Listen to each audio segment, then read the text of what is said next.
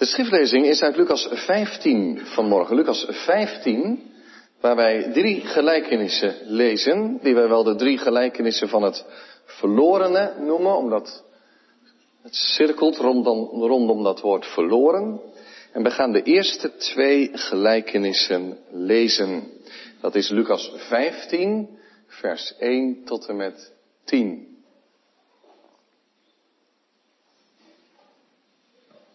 Daar lezen wij Gods woord als volgt.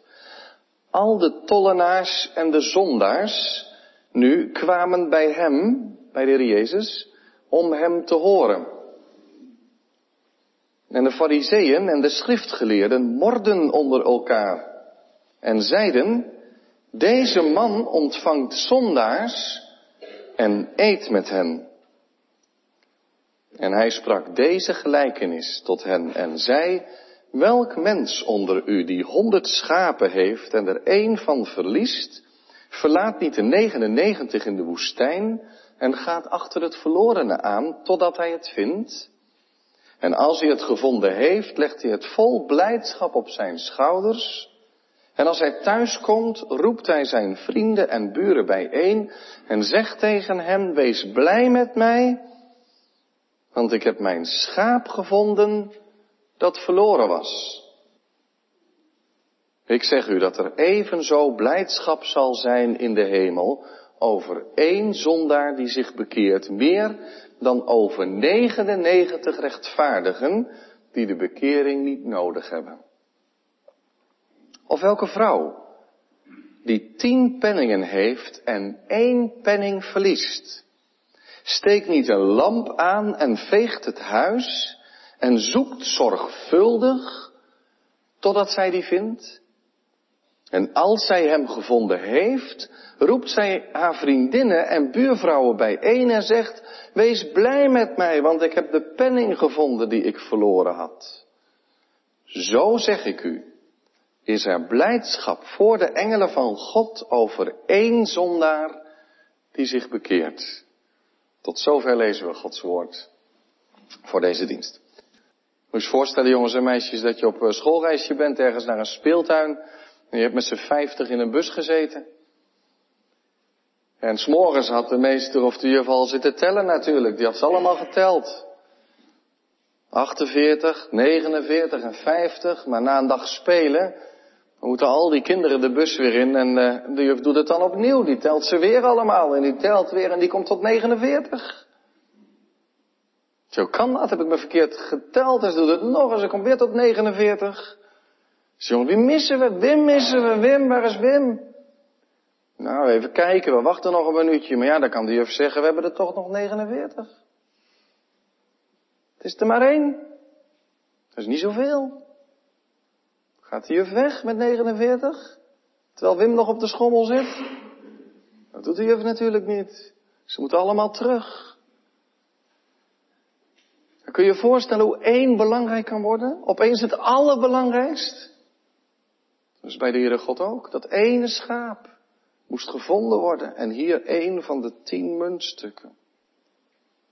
Zeggen wij misschien wel eens, we hebben er nog 99 in de kerk. Er is er eentje weggegaan.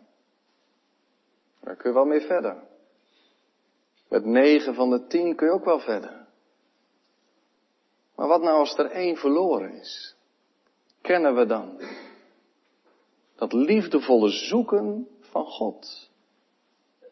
Om dat een beetje te begrijpen van die één op de zoveel, moet je natuurlijk niet alleen de gelijkenis voor je zien. Je ziet het gebeuren, korte gelijkenis, maar je ziet het plaatje voor je. Maar je moet het plaatje eens even wat groter zien, want er is nog wat te zien in dit gedeelte wat we hebben gelezen. Want die eerste verse van Lucas 15 laten laten zien hoe Jezus aan het prediken is. Jezus vertelt van zijn hemelse vader. Jezus vertelt van het koninkrijk van God. Jezus is onderweg naar Jeruzalem. En overal waar hij komt vertelt hij van zijn hemelse vader en van Gods koninkrijk. Maar er is iets heel aparts gaande. Als je Jezus dan steeds een beetje volgt en je ziet wat voor mensen die trekt, dat is best apart. Dat gebeurde nergens anders. Dan zag je brave, goede mensen naar het onderwijs van de rabbies luisteren. Hoe ze moesten leven. Maar er was altijd een groep niet bij. Dat waren de zondaars en de tollenaars. En de hoeren zegt het Nieuwe Testament vaak ook bij, de prostituees. Je zou kunnen zeggen dat als een groep mensen, dan zie je op afstand al dat het niet oké is in hun leven. Dat zie je aan ze. Dat verbergen ze niet onder een mooi pak, zoals wij dat kunnen doen. Maar je ziet het aan ze. Ze hadden het misschien ook wel opgegeven om te verbergen. Dat hadden ze ook niet vol kunnen houden. Het was duidelijk dat het zondige mensen waren. En ze hadden al zoveel preken gehoord. En ze, hadden, ze waren helemaal murren geslagen. Ze luisterden er niet eens meer naar. Dit is gewoon mijn leven, zeiden ze dan. Je kunt wel zeggen dat je me moet bekeren, maar dat uh, hoofdstuk dat hebben we wel een beetje gehad. Zo ging dat. Maar toen Jezus ging preken, toen gebeurde daar iets heel aparts. Telkens, het was een herhalend refrein.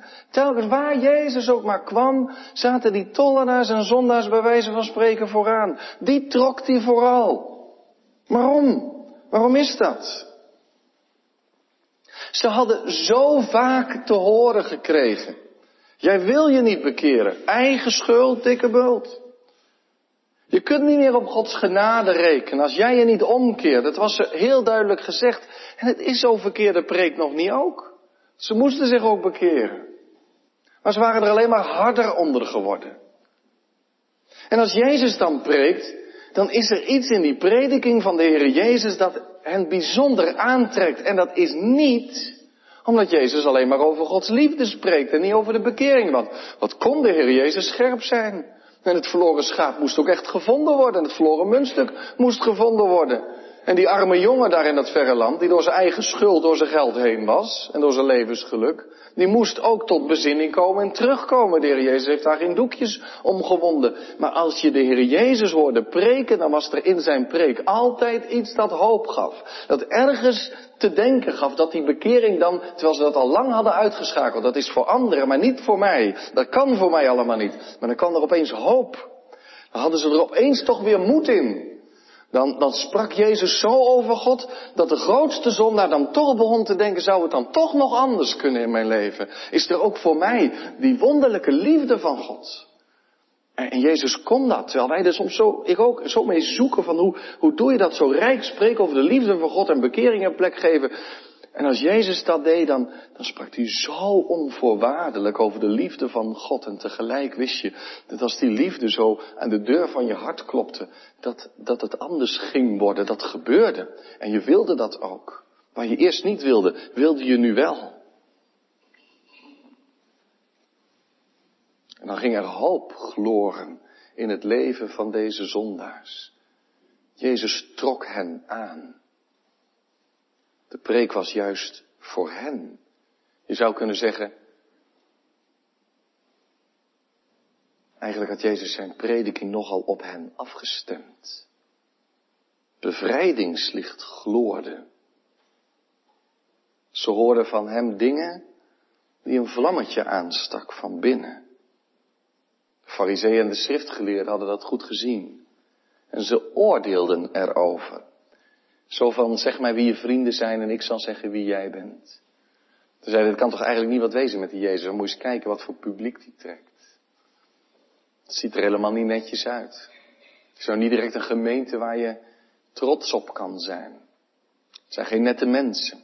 Het zijn echt zondaars die die trekt. Deze man ontvangt zondaars en eet met hen. Ze spuugde de woorden bijna uit.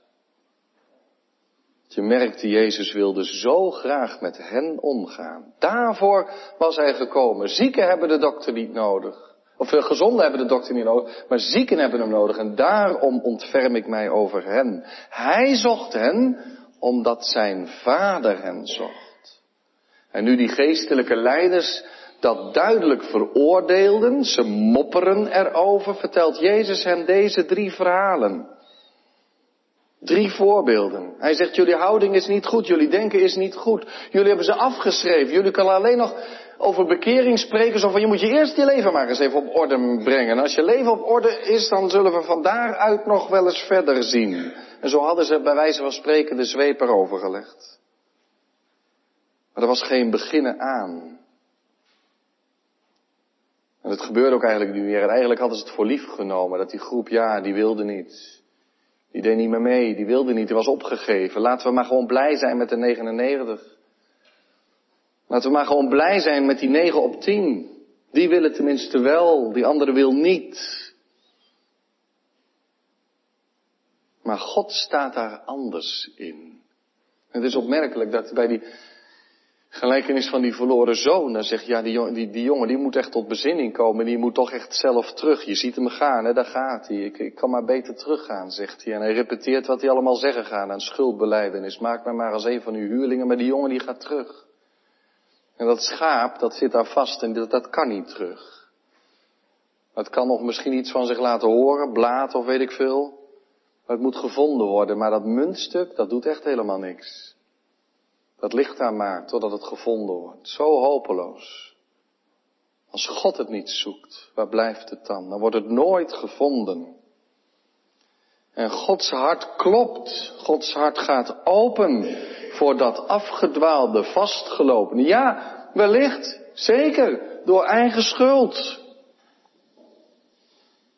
Zien wij soms ook zo de mensen om ons heen? Misschien mensen in verslavingsproblematiek of daklozen. Dat je zegt, als je nou gewoon een andere beslissing had genomen. Of je had dit niet gedaan. Of, of dat. En dan, dan oordelen we even goed. Misschien kijken we ook zo wel eens naar mensen die afscheid nemen van geloof en gemeente. Dus ja, goed, ze willen gewoon niet. En dat kan ook. Ze willen niet, inderdaad. Maar ken je dat gevoel waarmee je kan denken, nou we hebben er nog negen. Kunnen we ook aandacht aan geven? Of kennen we ook de harteklop voor het verlorene? Wellicht ging het zo. Opeens blinkt daar iets in het donker. Het muntstuk werd gevonden. Zijn moeder vond het. Een zucht van verlichting klonk. Een blijde uitroep. Ze ging naar buiten. Zo ging dat. De laatste nieuwtjes delen. Heb je het al gehoord? Hoor nou toch eens. Ik was zojuist een van die tien muntstukken kwijt. Ik maakte me toch een zorg. Ik heb alles overhoop gehaald. En nu heb ik het eindelijk gevonden. En dan vertelt ze dat een verhaal wat bij ons niet zo heel opzienbarend klinkt misschien, maar ze gaat het delen. Ze is zo ontzettend blij dat dat muntstuk weer terug is. En dan vertelt ze over die spleet in de vloer waar ze het muntstuk vond en dat Jozef die nu eindelijk maar eens dicht moest maken. Waar is die anders timmerman voor? En ze zegt, wees blij met mij. Vindt u dat een beetje te overdreven, dat ze zegt, wees blij met mij? kan zijn dat je het dan ook een beetje overdreven vindt dat de engelen in de hemel feest vieren over één zondaar die zich bekeert. Maar er is werkelijk volle vreugde in de hemel. Zo, zo zeg ik u, is er blijdschap voor de engelen van God over één zondaar die zich bekeert. Blijdschap bij de engelen. Dat zijn de hemelse vrienden van Jezus. De dienaars van God, die een hart hebben geheel gericht op het uitvoeren van Gods wil. Ze leerden denken als God. En daarom kun je rustig zeggen als er blijdschap is voor de engelen van God, dat er blijdschap is in het hart van God. Feest in de hemel. Als die ene, ja ook als de velen komen bij hem, maar juist als die ene. God ziet geen massa's. Hij ziet enkelingen. Hij ziet altijd die ene. Wij horen getallen, zoveel slachtoffers. Zoveel gesneuvelden. Zoveel migranten. Zoveel vluchtelingen. God ziet mensen. Het is een zeer aangrijpende gedachte als je dat leest, dat als één zondaar gevonden wordt, dat er vreugde in de hemel is. Kun je je voorstellen dat u en jij de eeuwige God vandaag blij zou kunnen maken of verdrietig? Vindt u het te ver gaan als ik het zo zeg? Als je je laat vinden, als God je te sterk wordt, als je Hem voor het eerst in je leven de eer gaat geven, Zijn genade je hart binnenstroomt, dat er vreugde in de hemel is. Vreugde als je zoals de jongste verloren zoon opstaat en naar de vader gaat. Er is meer vreugde in de hemel dan je voor kan stellen. En dat over één zondaar. Nee, over jou en over u. Die wegdwaalde. Vast kwam te zitten in verslavende zonde. Bij Gods nabijheid vandaan ging. Je eigen weg ging. Maar omkeerde naar Hem. God kwijt. Verloren. Hopeloos. Maar dan komt er een moment dat je zijn woorden hoort. De harteklop van de Vader in die woorden. En dat je hart open gaat. Kom tot de Vader. Kom zoals je bent. Weet je dat, dat je gevonden bent? Heb je God zoeken opgemerkt? Ja, zijn liefde zocht mij.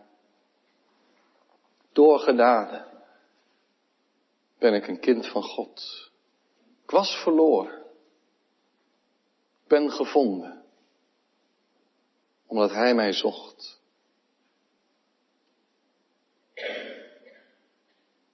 Nu nog een andere vraag. Wat kunnen we leren van die engelen? Is Gods blijdschap, is de blijdschap van de engelen ook onze blijdschap? Kennen we die blijdschap in de gemeente? Als we vol vreugde zien dat mensen beleidenis afleggen van het geloof, kennen we de vreugde. Als iemand dreigde af te haken, maar toch weer aanhaakt. Kennen we de vreugde als nieuwe mensen tot geloof komen en bij de gemeente komen? Kennen we die vreugde? Ken je ook dat bevende hart? Als je iemand weg ziet glijden en geen grip meer op hebt. Zeg het ook tegen mezelf. Missen wij bewogenheid? Je kunt misschien denken, we kunnen zonder, want de gemeente heeft nog genoeg leden. We redden het ook volgend jaar als gemeente wel. Of kennen we de bewogenheid om elke mensenziel. Kunnen we het bidden? Heere, geef ons ook die trillende handen, want we moeten vinden. Er is een verloren mens. Die moet gezocht worden. Geef ons trillende handen en een bevend hart. Zoeken niet in de zin van, komt er misschien wel een keer van, maar we moeten vinden. Ik weet het wel, dat is in de praktijk niet zo makkelijk, want als iemand zegt, ja, ik heb er nu wel genoeg van, ik kom niet meer naar de kerk, of een jongere die haakt langzamerhand af, of iemand in je gezin, je eigen gezin, kun je er ook geen oneigenlijke druk op zetten. Ik begrijp dat allemaal. Het moet ook iemands eigen keuze zijn, dat is ook zo. Maar dat hart, dat klopt. Daar, daarom gaat het. Dat Gods liefde in je hart is, omdat je zelf zo verwonderd bent over de goedheid en de glorie en de grootheid van God. Dat je zelf zegt, ik kan niet zonder die genade van de Heer Jezus Christus leven. En die andere heeft dat net zo nodig als ik. En het gaat je aan je hart als mensen Jezus uit het oog verloren hebben. Als mensen leven zonder God in deze wereld. Kijk hier in deze gelijkenis hoe Jezus spreekt over het hart van zijn vader. Zoek die vreugde van God. Dat je zelf gevonden mag zijn en anderen zoekt. Daarbuiten. Wie weet wie er op je pad komt. Wie weet wie je nu in gedachten hebt en daarvoor mag bidden. Hoeveel is een mens waard. God zoekt het verlorene met heel zijn hart. Amen.